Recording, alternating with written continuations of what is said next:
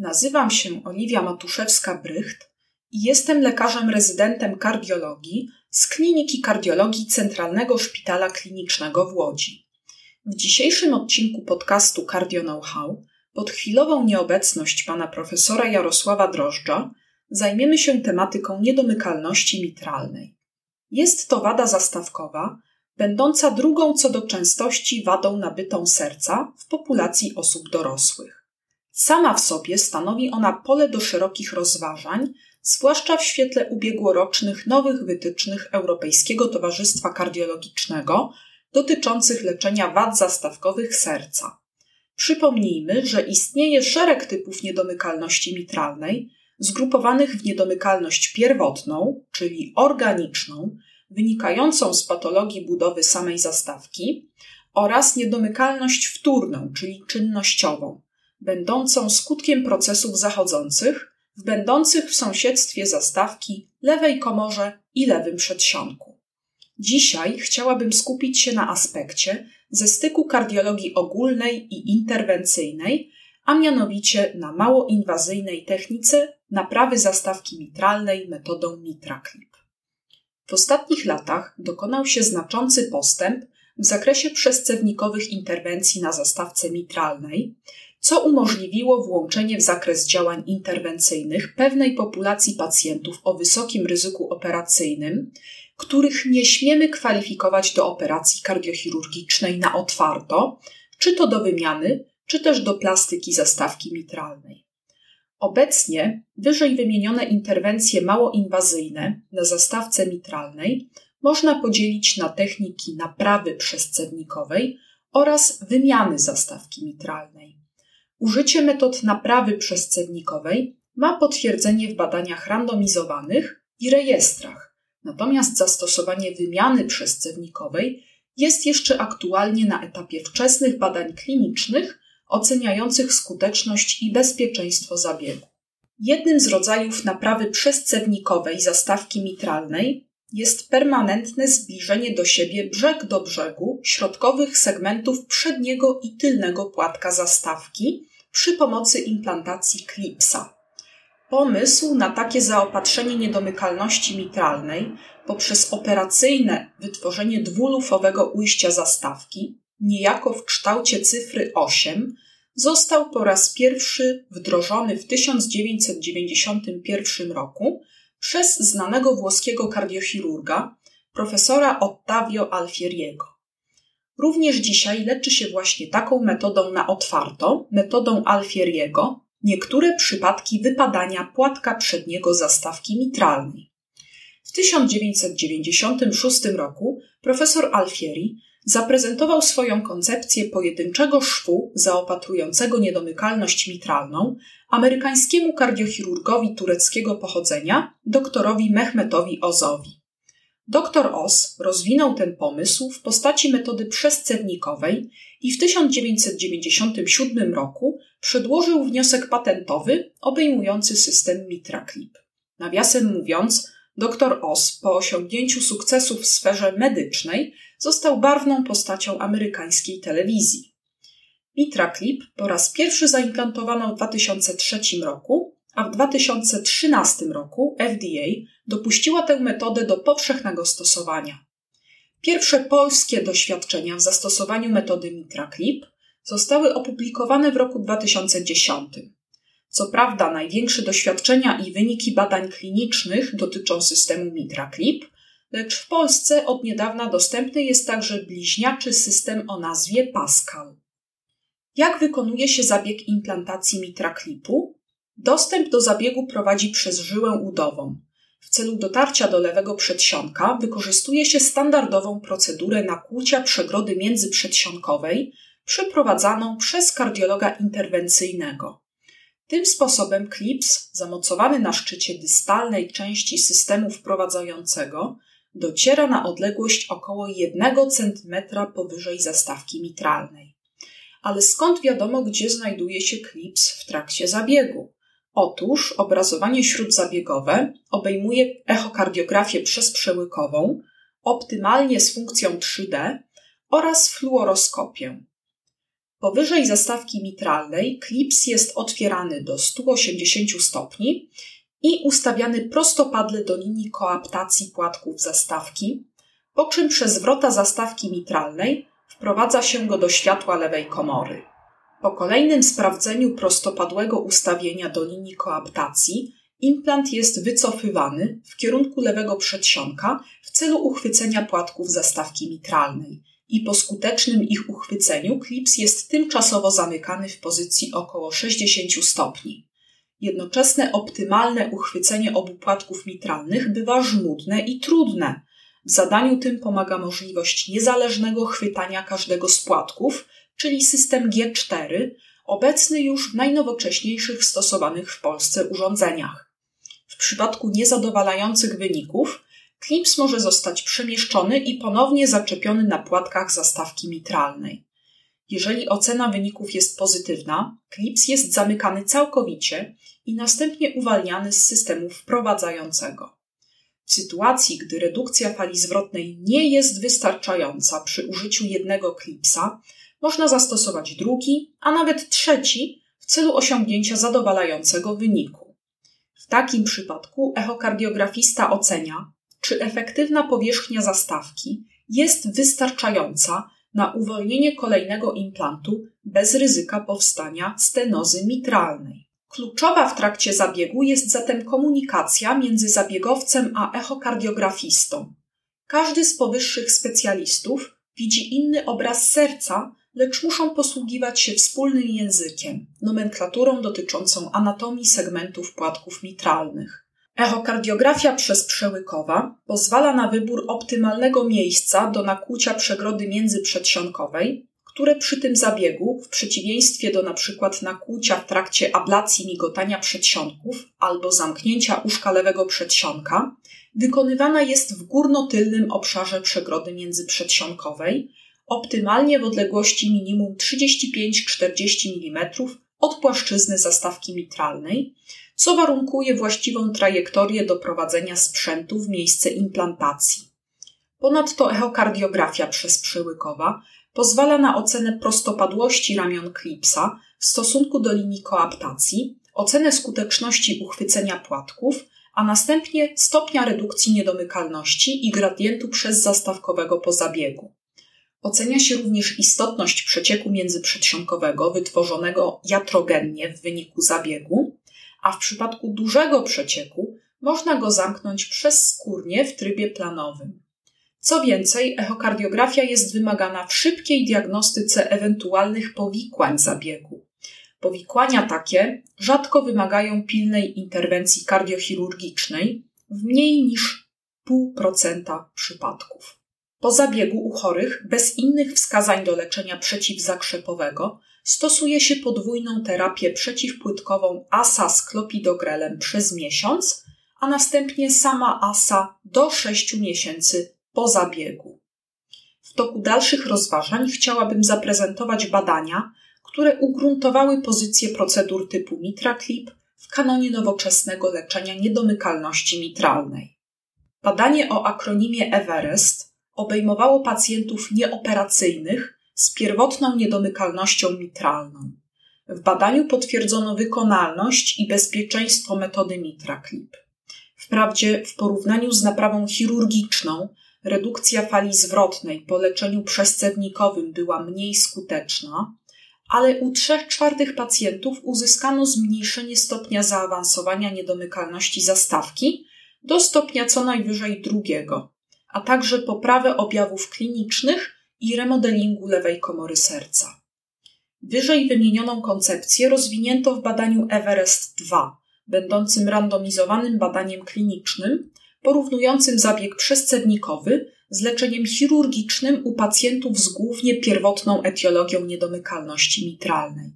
Zabieg Mitra Clip miał mniejszą niż leczenie chirurgiczne skuteczność w redukcji fali zwrotnej oraz redukcji występowania złożonego punktu końcowego, definiowanego jako zgon, konieczność leczenia operacyjnego lub występowanie niedomykalności mitralnej stopnia trzeciego lub czwartego po dwóch latach od procedury.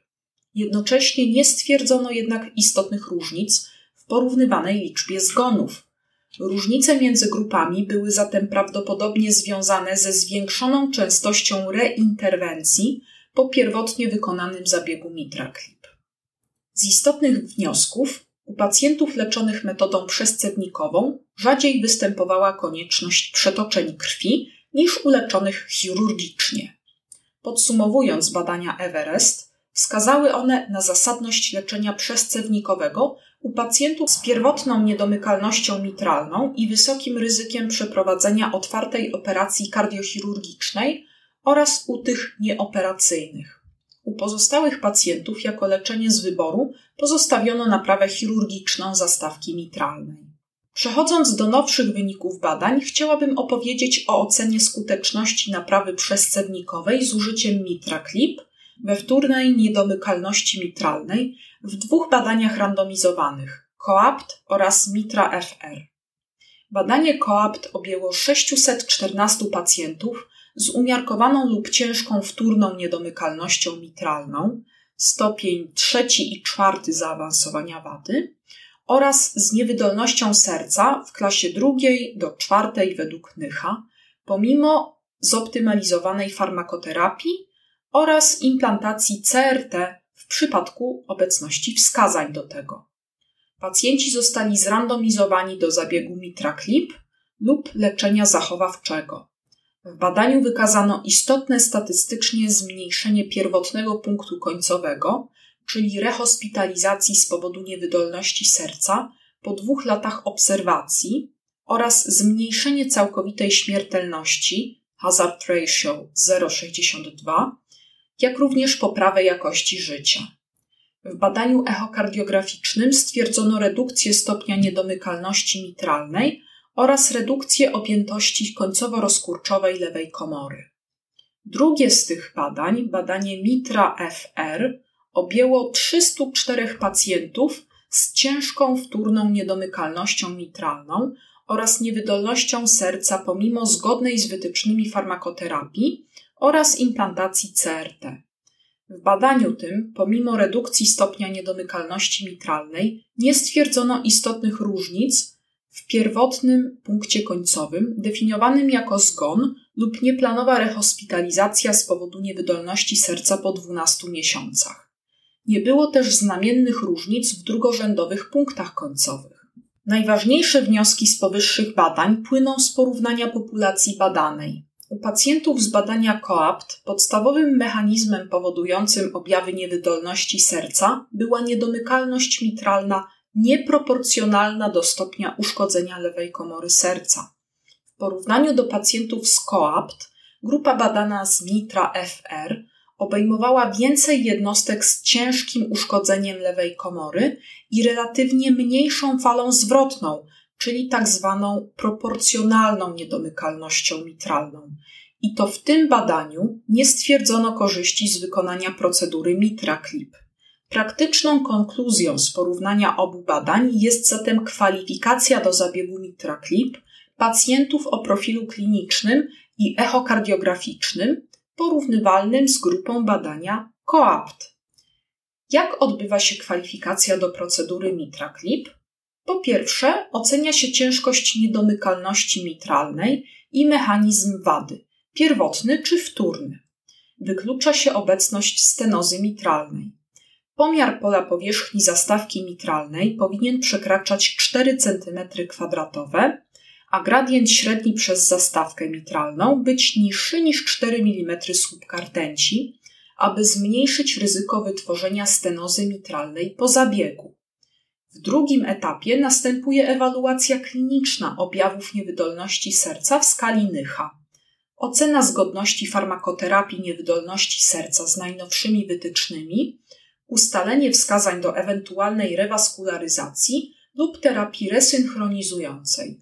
Trzecim etapem jest techniczna ocena wykonalności zabiegu w badaniu echo przezklatkowym i w dalszym przygotowaniu do zabiegu również w badaniu przezprzełykowym. W przypadku pierwotnej niedomykalności mitralnej ocenia się liczbę i lokalizację wypadających segmentów płatków zastawki, przy czym optymalnie kwalifikuje się do zabiegu pacjentów z wypadaniem pojedynczego segmentu środkowego, czyli A2 lub P2.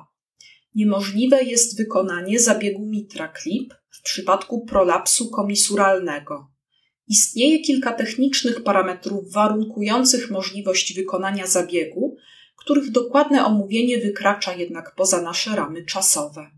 Należy pamiętać o przeciwwskazaniach anatomicznych do zabiegu MitraClip, czyli obecności skrzepliny lub guza w jamach serca, żyle głównej dolnej lub udowej, jak również o aktywnym infekcyjnym zapaleniu wsierdzia.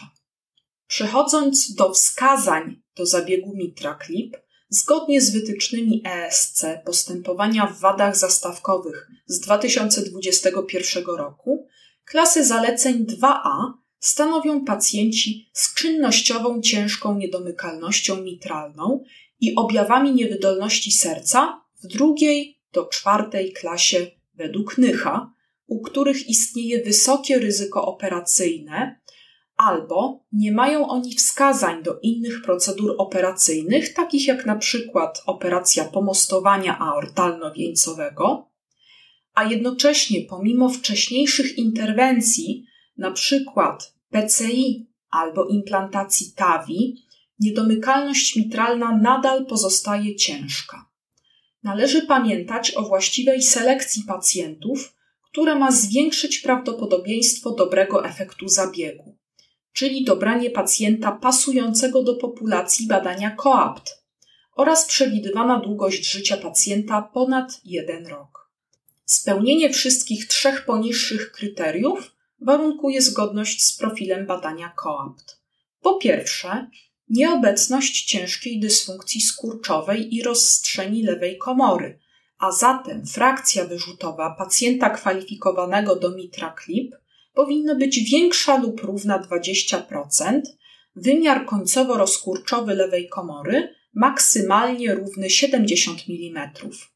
Po drugie, nieobecność ciężkiej dysfunkcji skurczowej prawej komory lub ciężkiego nadciśnienia płucnego, a zatem TAPSE ma być równe minimum 15 mm lub drugi z parametrów echokardiograficznych RVS prim minimum 8 cm na sekundę. Niedomykalność trójdzielna powinna być w stopniu mniejszym niż ciężka, a skurczowe ciśnienie w tętnicy płucnej, czyli SPAP, maksymalnie równe 70 mm słupka rtęci.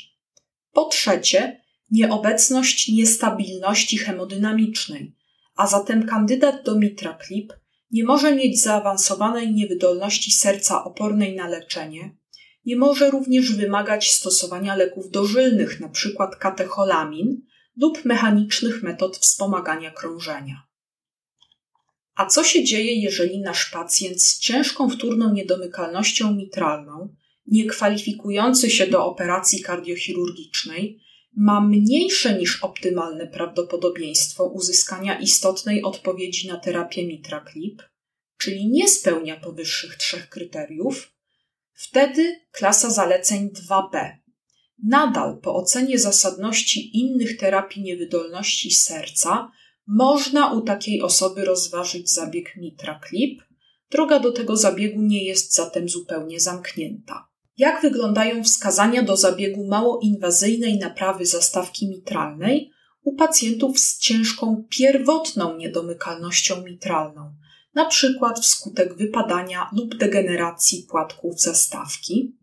Co prawda, u pacjentów takich naprawa chirurgiczna jest leczeniem preferowanym, ale jeżeli pacjent jest nieoperacyjny lub ma wysokie ryzyko operacyjne, można u niego rozważyć zabieg typu MitraClip. Zalecenie klasy 2b pod warunkiem spełnienia wyżej przytoczonych warunków anatomicznych umożliwiających skuteczny zabieg i również po ocenie przewidywanej długości życia.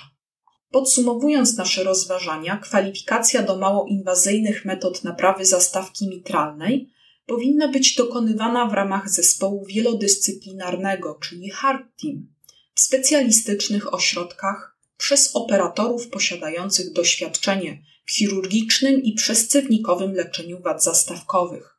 Oprócz kardiologa interwencyjnego i kardiochirurga, kluczowa jest obecność echokardiografisty posiadającego doświadczenie w obrazowaniu okołozabiegowym.